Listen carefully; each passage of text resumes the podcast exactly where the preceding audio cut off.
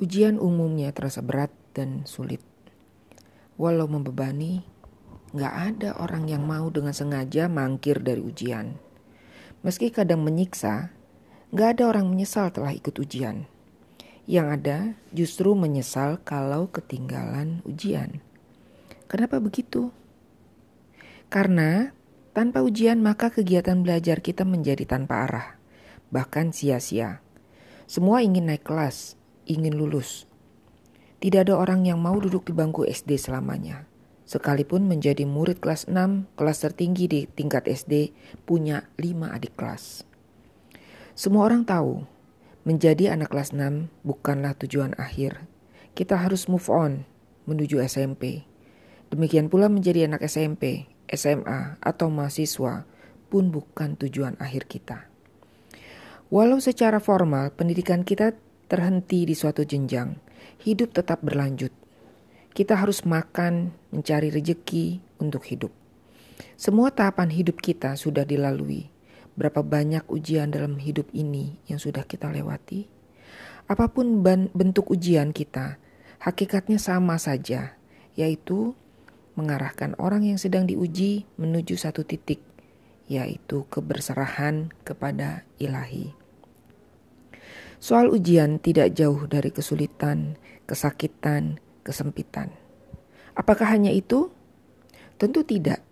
Soal ujian pun bisa berupa kecantikan, ketampanan, kekayaan, kemudahan, kepandaian, kelapangan, atau kekuasaan dengan segala tingkatannya.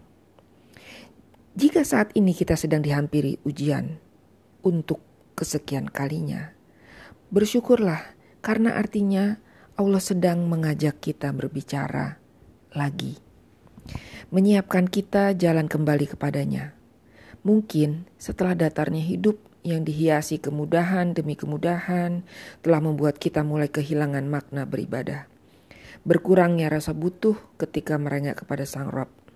Bisa jadi kita sudah berubah jumawa, bahkan mulai diwarnai maksiat di sana-sini. Mungkin kita mengalami ujian kesekian kalinya. Jangan kapok, saudaraku. Sekian tahun yang lalu barangkali ujian spiritualmu untuk level SD. Tempo hari mungkin ujian untuk meraih level SMA, dan seterusnya. Ujian saat kita SD tentu beda dengan saat kita sudah SMA. Seperti jenjang pendidikan, ujian hidup pun bertingkat.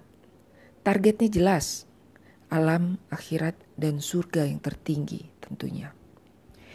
Tapi kok makin berat ya? Wajarlah, karena tiap naik kelas tentu berbeda lagi tingkat kesulitannya dan ujian keimanannya. Namun, demikian tidak ada cara yang beda dalam menghadapinya, yaitu takwa. Resep yang harus ditebus pun sama, yaitu ikhlas. Ikhlas bukanlah solusi langsung suatu masalah yang kita hadapi sebagai ujian hidup.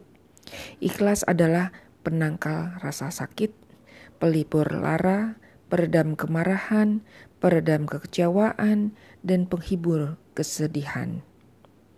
Ikhlaslah karena kita tidak pernah tahu berapa lama ujian kita harus kita hadapi. Ikhlas sampai kapan? Sampai ajal kita datang atau Allah angkat masalah kita bisa terjadi dalam sehari, seminggu, setahun, sepuluh tahun, atau tidak sempat selesai, kita sudah keburu menghadapnya. Ikhlaslah, agar dengannya kita tidak akan pernah kehilangan syukur. Ikhlaslah agar kamu meraih kesabaran, kekuatan, dan ketabahan. Ikhlaslah, karena yang demikian menjadikan jiwamu tenang, sementara kita tidak pernah tahu kapan nafas terakhir kita hembuskan dan terutama karena surganya hanya diperuntukkan bagi jiwa yang tenang. Terima kasih sudah mendengarkan podcast saya, Nela Dusan.